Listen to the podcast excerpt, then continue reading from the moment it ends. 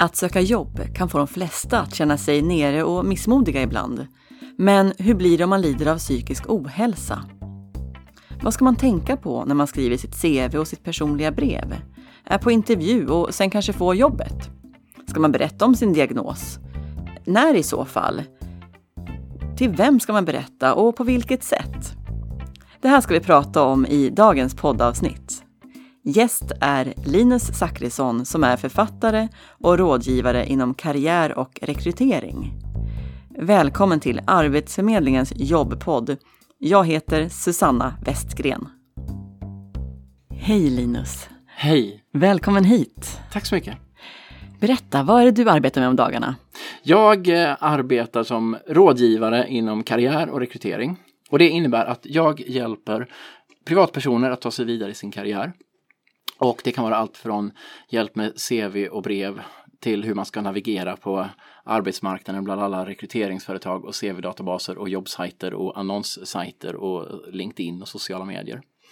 Eh, dels sådant och sen så hjälper jag företag att rekrytera eh, bättre, billigare, smartare. Rekrytera inte så mycket själv utan mer så här hur, hur ska man göra när man rekryterar. Eh, och så skriver jag lite böcker om karriär och rekrytering. Min senaste bok heter Jobbsökardjungeln, så får du ditt första jobb.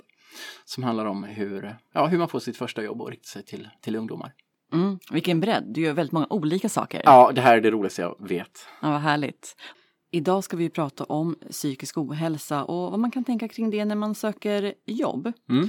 Eh, men innan vi gör det, vad, vad är psykisk ohälsa egentligen? Ja, men psykisk ohälsa är ett väldigt, väldigt brett begrepp. Det kan ju vara allt ifrån lättare nedstämdhet som är av ganska tillfällig karaktär till riktigt tunga psykiatriska diagnoser och ja, faktiskt precis allting däremellan. Och idag hinner vi inte gå in på någonting djupare riktigt med diagnoser utan Nej. det kommer ju vara så att vi pratar om det lite mer generellt och hur man kan förhålla sig till det när man söker arbete. Precis, och man, vi hinner skrapa lite på ytan bara. Ja men precis och du berättade för en stund sedan vad du arbetar med och det är många olika saker som rör jobbsökandet. Mm. Men jag vet att just psykisk ohälsa, det, ohälsa det ligger dig lite extra varmt om i hjärtat. Ja men det gör det. Dels så är det ett ämne som, som berör väldigt många. Eh, det är vanligaste orsaken till, till sjukskrivning idag. Så det berör väldigt, väldigt många och vi pratar alldeles för lite om det. Och sen så har jag själv också en, eh, en psykiatrisk diagnos. Ospecificerad kluster B som det heter. Just det. Mm. Mm. Ja men vad bra, så då kan du prata om det här på många olika sätt tänker jag. Ja, Ja. ja, jag hoppas det. Perfekt. Eh, just psykisk ohälsa, då tänker jag också att eh, eh, som du är inne på, det finns många olika typer av diagnoser naturligtvis. Men jag tänker också att det här kan ju leda till olika funktionsförändringar. Att, Mm. eh, till exempel ja, men hur man hanterar stress, hur man agerar i sociala sammanhang, kan vara hantering av tid och naturligtvis mycket mer. Mm, mm. Så. så jag tänker att de som lyssnar idag får lite grann utgå ifrån vad som är relevant och realistiskt för just, för just dem. Ja, precis.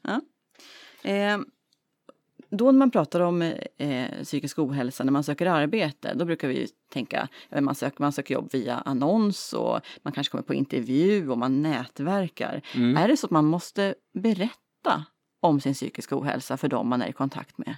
Nej, det måste man inte. Eh, det kan ju självklart vara ganska problematiskt och jobbigt att behöva, behöva prata om det. Och det kanske inte är det första man vill säga när man söker jobb. Att, att man eh, har någon form av psykisk ohälsa. Så man måste absolut inte berätta det för, för alla. Utan det, det handlar mer om att ofta är det bra att berätta om det. Men då ska man berätta om det vid, vid rätt tillfälle också. Och när är det? Ja, om vi tänker oss att det är en utannonserad tjänst så, och självklart beroende på vad man har för diagnos eh, eller vilken problematik man har.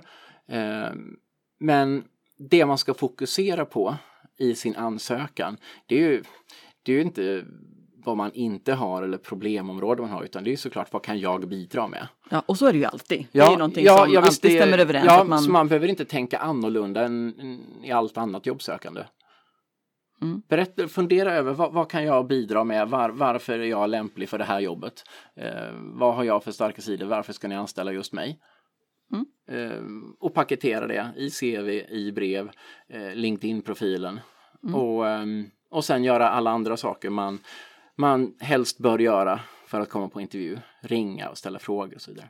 Just det, så man helt enkelt fokuserar på det man kan bidra med kompetensmässigt. Ja. Men jag tänker i CV då, om man har luckor där. Mm. Och luckor kan ju bestå av många olika saker givetvis. Men säg att man har varit sjukskriven en längre period och det är en lucka på ett och ett halvt år där. Mm. Eh, vad, hur hanterar man det? Vad skriver man där? Ja, alltså har du inte, har du varit sjukskriven, varit hemma, då, då får du vänta tills, då kommer du få frågor om det i, i intervjun. Och där i intervjun så får du ju säga som det är att eh, ja, men jag hade en utmattningsdepression eller jag var sjukskriven. Och så berättar man varför man var sjukskriven och så berättar man också vad har jag lärt mig av den här eh, processen, av det här jag har gått igenom.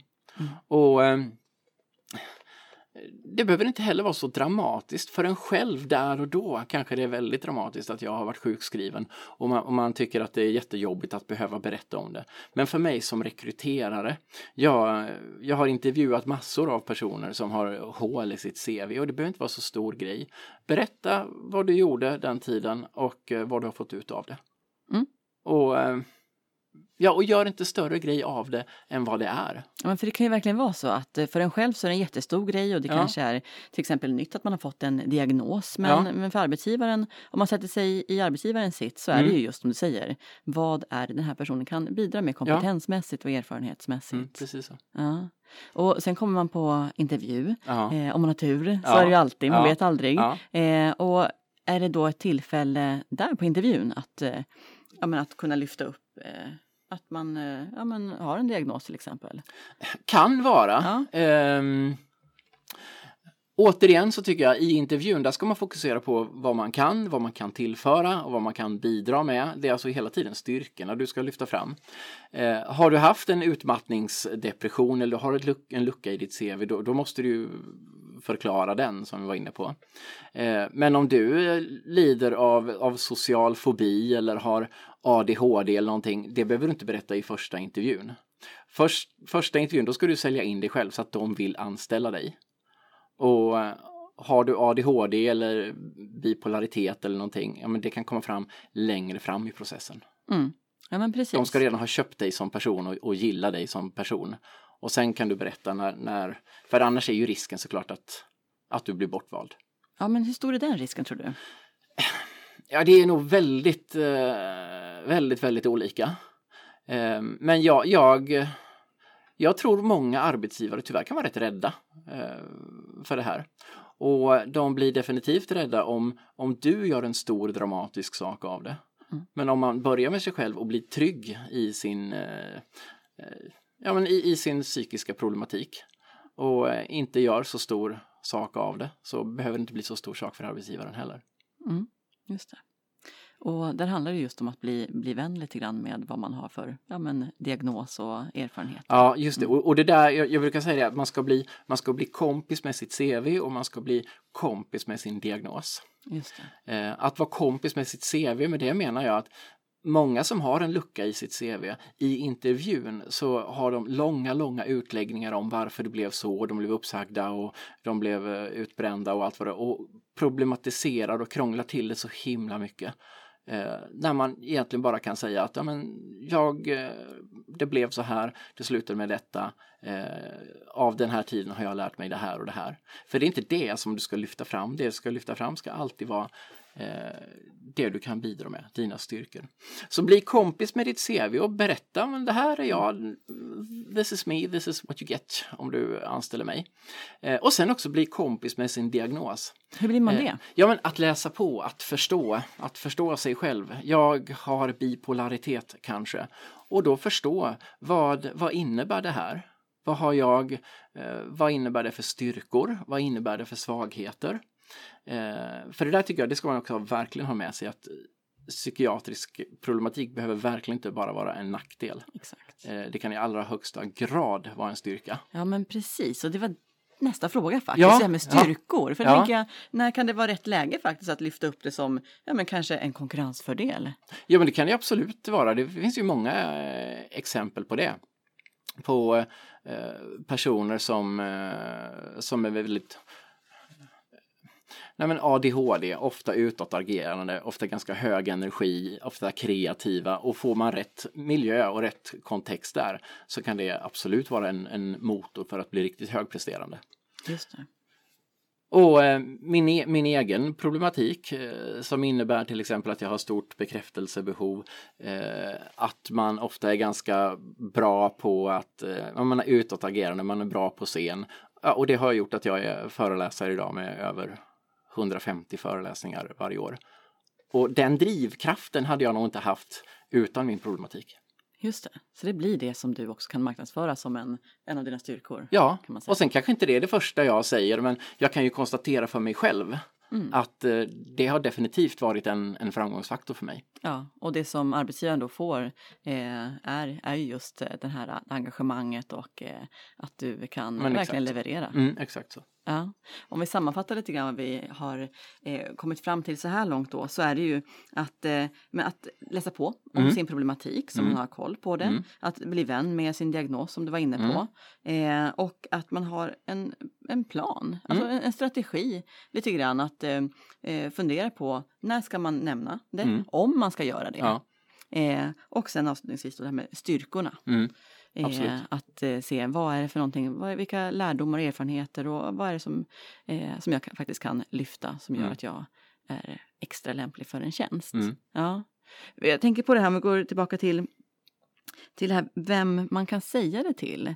Eh, just när man har, om man har en eh, diagnos eller lider av psykisk ohälsa mm. så är det sådär, vem, om man bestämt sig för att säga det till någon, är det då givet att det är chefen man ska säga det till eller kan man, ja. är det kollegorna? Eller? Ja, ja, det kan det vara och det, beror, det är så otroligt olika beroende på vad det är för problematik man har. Mm. Men, men om, om, man tar ett, ett sådant exempel, man kanske har social fobi. Man är, man är i allra högsta grad högfungerande och, och man är jätteduktig på sitt jobb. Men man har social fobi så man tycker är jätteläskigt att, att sitta i fikarummet.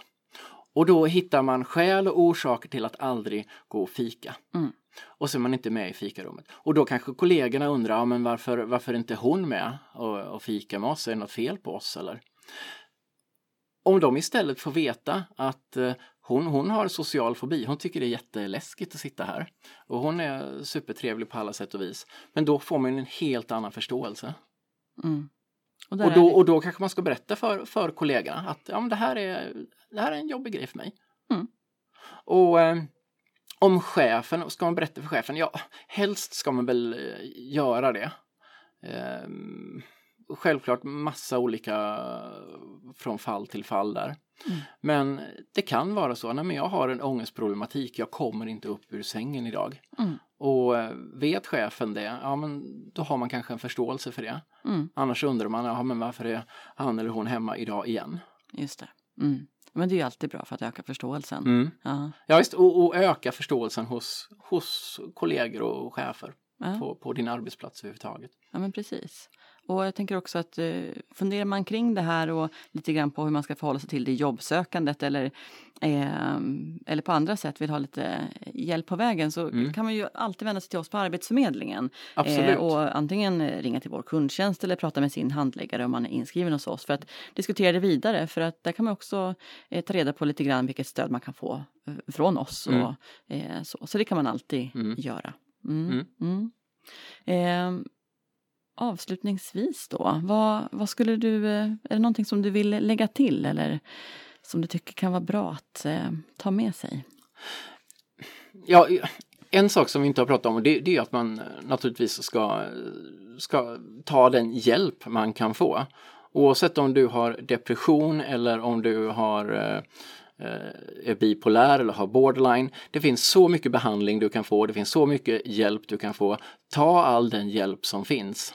Eh, gå i terapi, gå i KBT eller DBT eller vad det kan vara. Mindfulness är ofta väldigt effektiv effektivt för, för många diagnoser.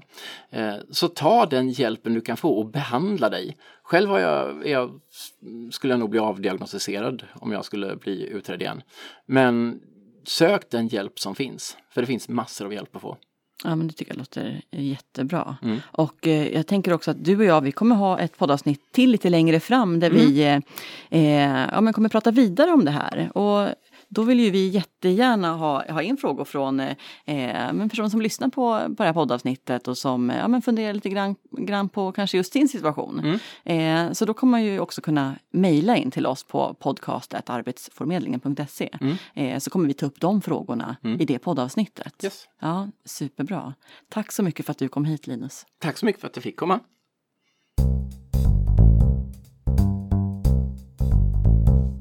Du har nu lyssnat på Arbetsförmedlingens jobbpodd med Linus Zachrisson och mig, Susanna Westgren. Producent var Marcos Chagallo. Linus har en Facebook-sida som du hittar om du letar efter Linus Zachrisson. Följ honom gärna där. Vi kommer som sagt fortsätta prata om psykisk ohälsa i ett poddavsnitt lite längre fram. Och om du har en fråga som du vill få besvarad, då får du gärna mejla till podcast arbetsförmedlingen.se. I nästa veckas poddavsnitt kommer vi att prata om kroppsspråk under anställningsintervjun. Vi på Arbetsförmedlingen finns också i sociala medier, bland annat på Facebook och Instagram. Följ oss gärna där för information och inspiration i jobbsökandet.